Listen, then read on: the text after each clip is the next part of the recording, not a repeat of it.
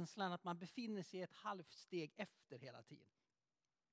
Och inte riktigt har full kontroll över sin egen tillvaro. Där har jag befunnit mig ett tag. Så jag satte mig i tisdags i Urbans kontor. Var lite stressad inför veckan och inför den här helgen och så sa jag, vet du Urban, jag tror jag struntar helt i texterna och temat på söndag. För jag känner att jag skulle vilja predika om Guds ekonomi, eller predika om ekonomi på söndag. Dels har vi det här med världsläget, med dieselpriser som skenar, med elpriser som slår nya dyrhetsrekord gång efter gång, med kaffet som blir dyrare och dyrare.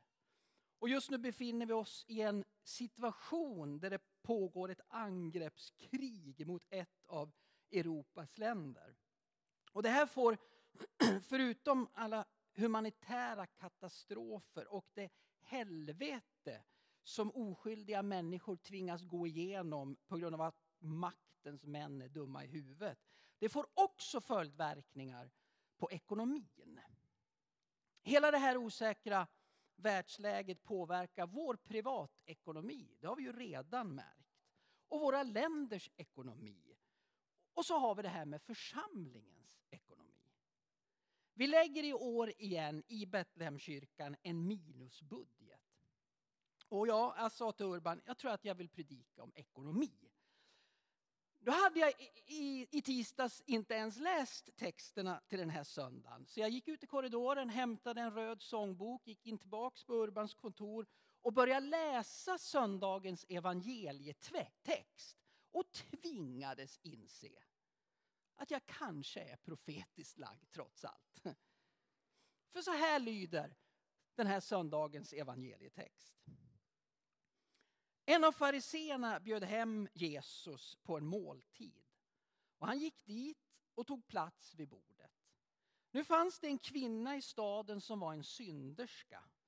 När hon fick veta att han låg till bords i fariséns hus kom hon dit med en flaska balsam och ställde sig bakom honom vid hans fötter och grät. Hon vette hans fötter med sina tårar och torkade dem med sitt hår och hon kysste hans fötter och smorde dem med sin balsam. Farisén som hade bjudit honom såg det och sa för sig själv om den mannen vore profet skulle han veta vad det där är för sorts kvinna som rör vid honom, en synderska. Då sa Jesus till honom, Simon, jag har något att säga dig. Säg det mästare, sa han. Två män stod i skuld hos en penningutlånare. Den ene var skyldig 500 denarer, den andra 50. När de inte kunde betala efterskänkte han skulden för dem båda. Vilken av dem kommer att älska honom mest? Simon svarade, den som fick mest efterskänkt skulle jag tro. Du har rätt, sa Jesus. Och vänd mot kvinnan, sa han till Simon. Du ser den här kvinnan. Jag kom in till ditt hus och du gav mig inte vatten vatten till mina fötter. Men hon har vett mina fötter med sina tårar och torkat dem med sitt hår. Du gav mig ingen välkomstkyss, men hon har kysst mina fötter hela tiden sedan jag kom hit. Du smorde inte mitt huvud med olja, men hon har smort mina fötter med balsam. Därför säger jag dig, hon har fått förlåtelse för sina många synder, ty hon har visat stor kärlek. Den som får litet förlåtet visar liten kärlek. Och han sa till henne, dina synder är förlåtna. De andra vid bordet sa då för sig själva, vem är han som till och med förlåter synder? Men Jesus sa till kvinnan, din tro har hjälpt dig. Gå i frid. Jag tänkte inte uppehålla mig idag vid den kvinna i texten som Lukas kallar för synderska. Eller den farisé som hade bjudit hem Jesus på en måltid och som fick sig en läxa om förlåtelse. Eller hur dyrbar en flaska balsam kan ha varit. Utan vid det faktum att Jesus ger oss en liknelse om förlåtelse. Och han gör det genom att likna Gud vid en god penningutlånare. Det är ett järvt drag. Har ni någonsin sett en film där penningutlånaren är den goda i berättelsen. Snarare så brukar det vara de som krossar knäskålar på folk. Men Jesus han ger oss alltså här, i Bibelns kanske allra enklaste liknelse att förstå.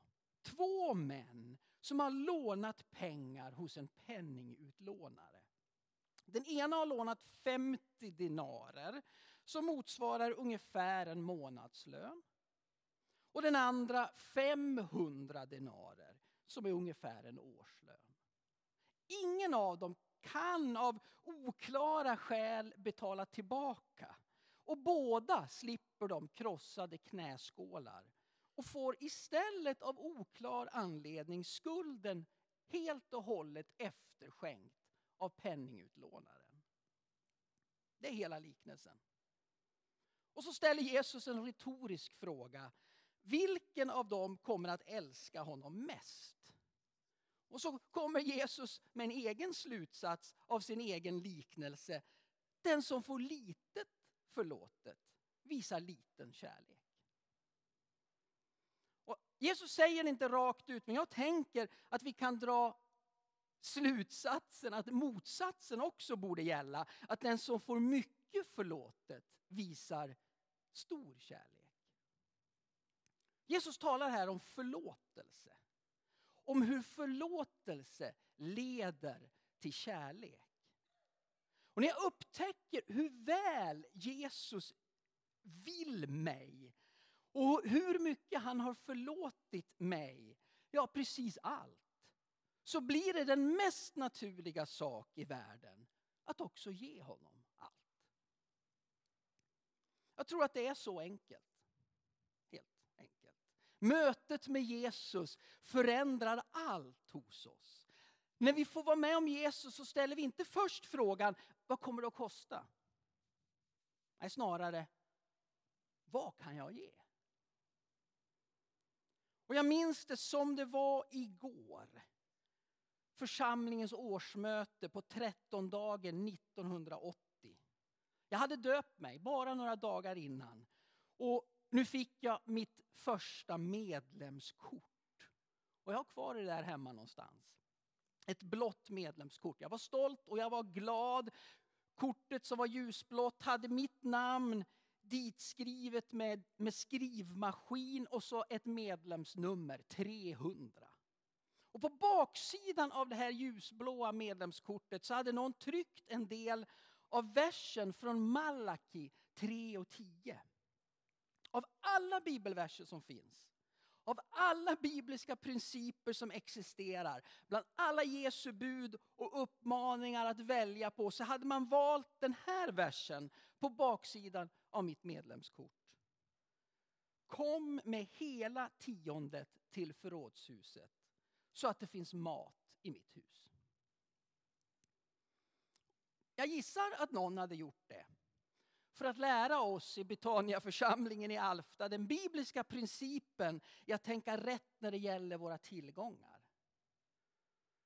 Det kanske var bra, vad vet jag? För pengar har ju en verklig tendens att skapa spänningar och osämja, ja till och med gräl. Och därför är det av högsta vikt att en församling har ordning på ekonomin. Att ha ansvars, ansvarsfulla, förtroendefulla och trosfulla människor som ansvarar för att hålla ordning på församlingens ekonomi. Och i den, i den bemärkelsen så är vi ju rikt rustade i Betlehemskyrkan. Vi ska vara så glada över våra ekonomer i kyrkan. Ta gärna med dem i dina dagliga böner. Men pengar utgör ju också en personlig brottning för några av oss.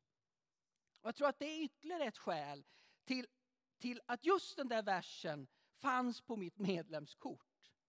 I en av sina många liknelser där Jesus talar om pengar så säger han i Lukas 18 och 18. Och det här säger Jesus till en högt uppsatt man som har hållit alla bud sedan sin ungdom. Ett återstår dig. Sälj allt du äger. Och det här var ju ingenting som Jesus sa till alla han mötte. Men för den här mannen så var ägodelarna ett uppenbart problem som skymde hans relation med, med Gud. Om du läser dig rakt igenom evangelierna, från början till slut, bara gör en, en snabb genomläsning, så upptäcker du att det finns ingenting förutom Guds rike som Jesus talar så mycket om som pengar. En stor del av hans liknelser uppehåller sig kring pengar. Pengar och ägodelar som är så viktiga för oss människor att de har fått ett eget namn i Bibeln. Mammon. Jesus han kallar rikedom och välstånd för mammon när det tar sin besittning av våra hjärtan. Alltså när vi tänker på och hur vi väljer att agera och, och, och, och, och liksom när våra liv styrs av välståndet istället för utav Gud. Då är det mammon. Det är alltså inte mammon att vara välbärgad. Det är inte mammon att ha mycket pengar. Det är inte mammon att ha det gott. Utan det blir mammon först när det får grepp om vårt hjärta. När det styr vårt sätt att leva våra liv. Och I Matteus 6 och 24 så säger Jesus, ingen kan tjäna två herrar. Antingen kommer han att hata den ene och älska den andra eller hålla fast vid den ene och inte bry sig om den andra. Ni kan inte tjäna både Gud och mammon. Ni kan inte, säger Jesus. Det går inte. Det är omöjligt. Ni måste välja. Och I berättelsen om synderskan och balsamflaskan som vi läste så befinner sig Jesus på måltid hos en farisé. Och bland fariseerna fanns en, en föreställning, inte hos alla, men hos en del om att Gud materiellt välsignar alla han älskar. Alltså att man genom det materiella kunde se vilka, vilka Gud hade ett gott öga till. Och det här använder man som en förevändning för att kunna bygga sig stora jordiska skatter. Och visst är det så att Gud välsignar oss. Till och med ekonomiskt ibland. Den som ger blir välsignad. Bibeln är ju väldigt tydlig där. Men vi ger inte inte, eller vi ger ju inte för att vi själva ska leva miserabla liv. Men vi ger inte heller för att vi ska leva goda liv. Ibland hör man ju så här förenklat. Vill du ha Guds välsignelse? Bra, då ska du ge.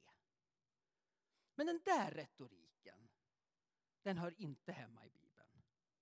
För Bibeln säger ge. För att visa Gud att du är tacksam för allt du har fått.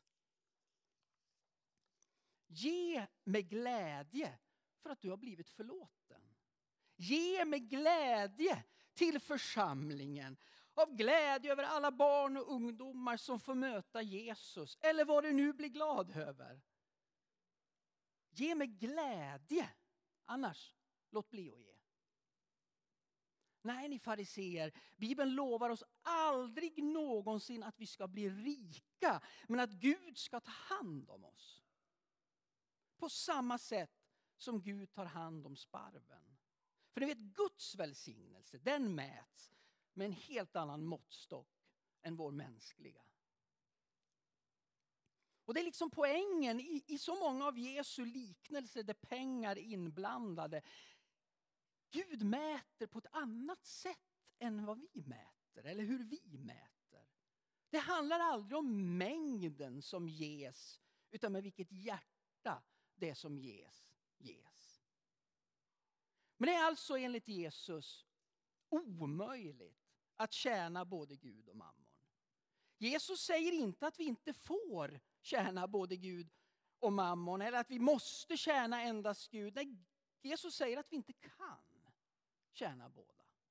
Vi kan inte tjäna både Gud och mammon. Vi kan inte älska båda. Vi kan inte hålla fast vid, förlita oss till båda. Vi kan inte tro på båda. Vi måste välja.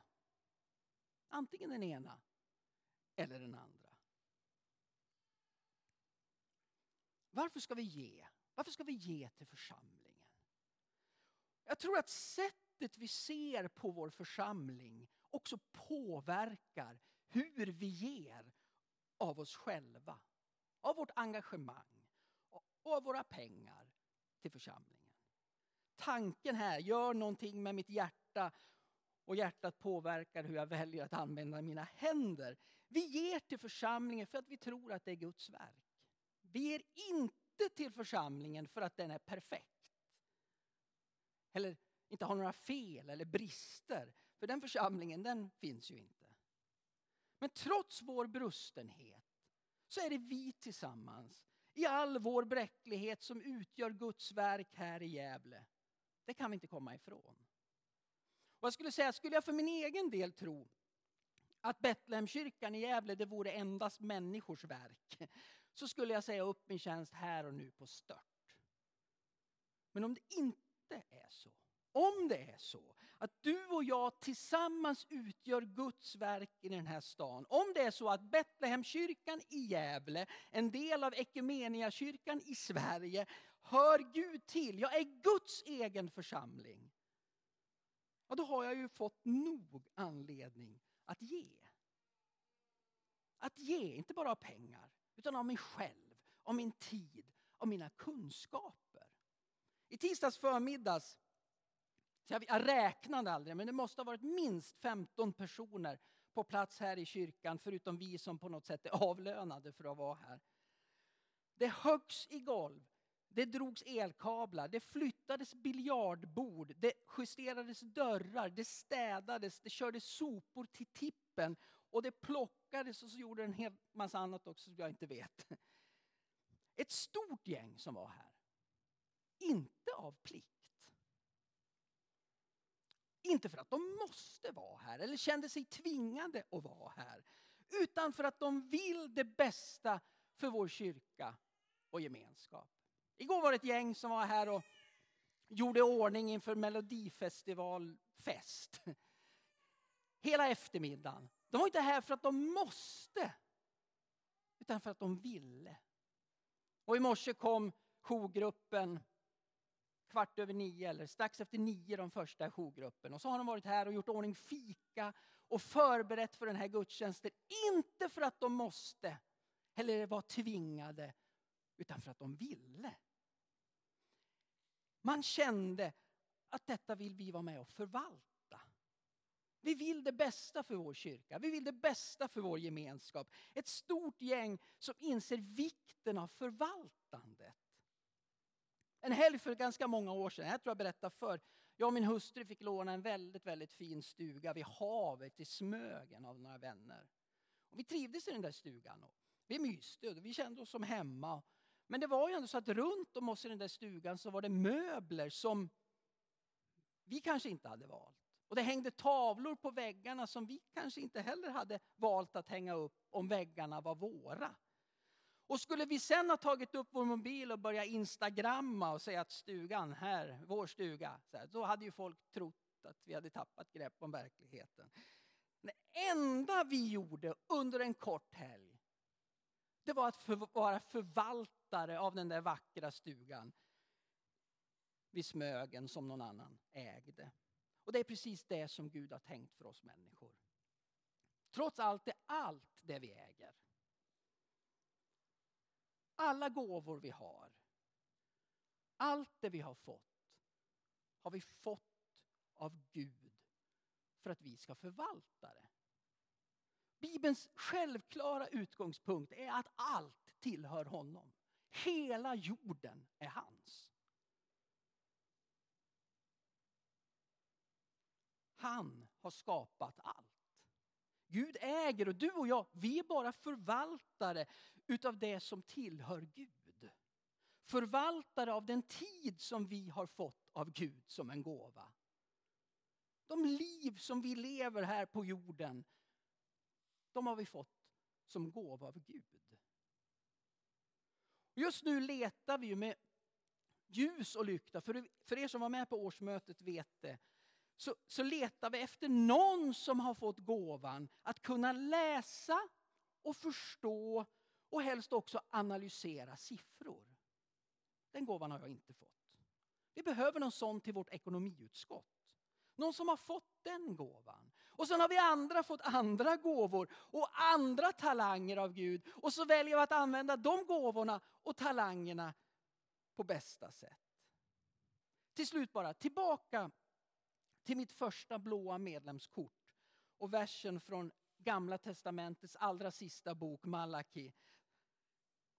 Och det är från den här versen, det var aldrig med på mitt medlemskort ordentligt, men det är på den här versen som kyrkan genom tiderna har valt att skapa den princip som vi brukar kalla för tiondegivande principen. Så här står det i Malaka 3 och 10. Kom med hela tiondet till förrådshuset så att det finns mat i mitt hus. Sätt mig på ett sånt prov, säger Herren Sebaot, då kommer jag att öppna himmelens fönster och låta ymnig välsignelse strömma ner över er. Är det någon mer än jag som tycker att det låter bra med ymnig välsignelse?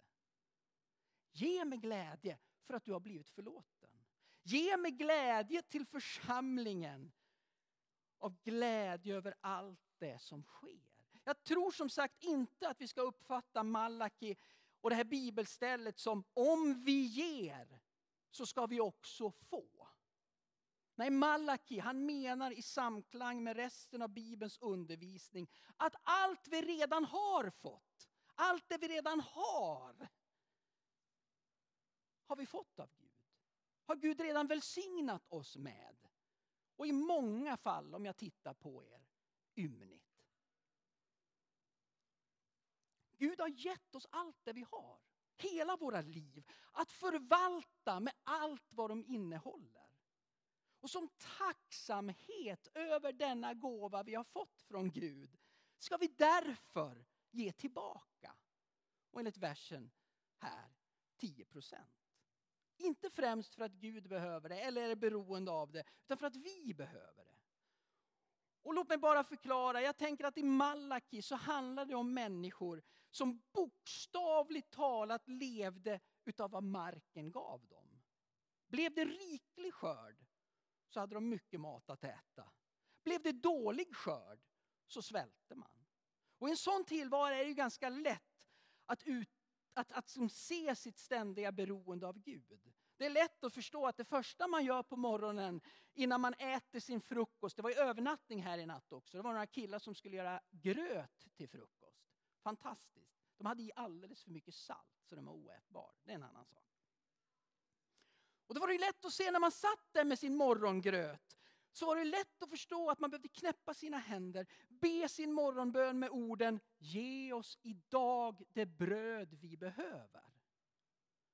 Och ändå trots detta ständiga beroende av Gud som människorna i Malaki levde med, så menade Gud att den här principen att ge tillbaka, den var ändå så viktig för folket.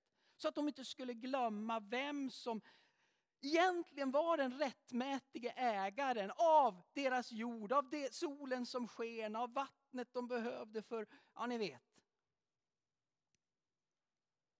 Och för oss är det ju mycket svårare. Som får våra pengar på ett konto som bara är siffror i någon app i telefon som jag aldrig har någon direkt koll på. Och dessutom, som i mitt fall när jag har en fru som sköter all ekonomi, blir det ännu svårare. Men jag tror att, att vi, precis som folket i Malaki, behöver återvinna tron på att Gud är alltings givare. Utan Gud är vi ingenting. Utan Gud är ingenting någon, någonting. Utan Gud är det jag kallar för mitt ingenting värt. Gud har gett och jag får av glädje och tacksamhet ge tillbaka. Jag får, med, jag får ge med glädje och av tacksamhet över allt det jag har fått. Amen. Nu Eva ska du få sjunga för oss igen. Varsågod.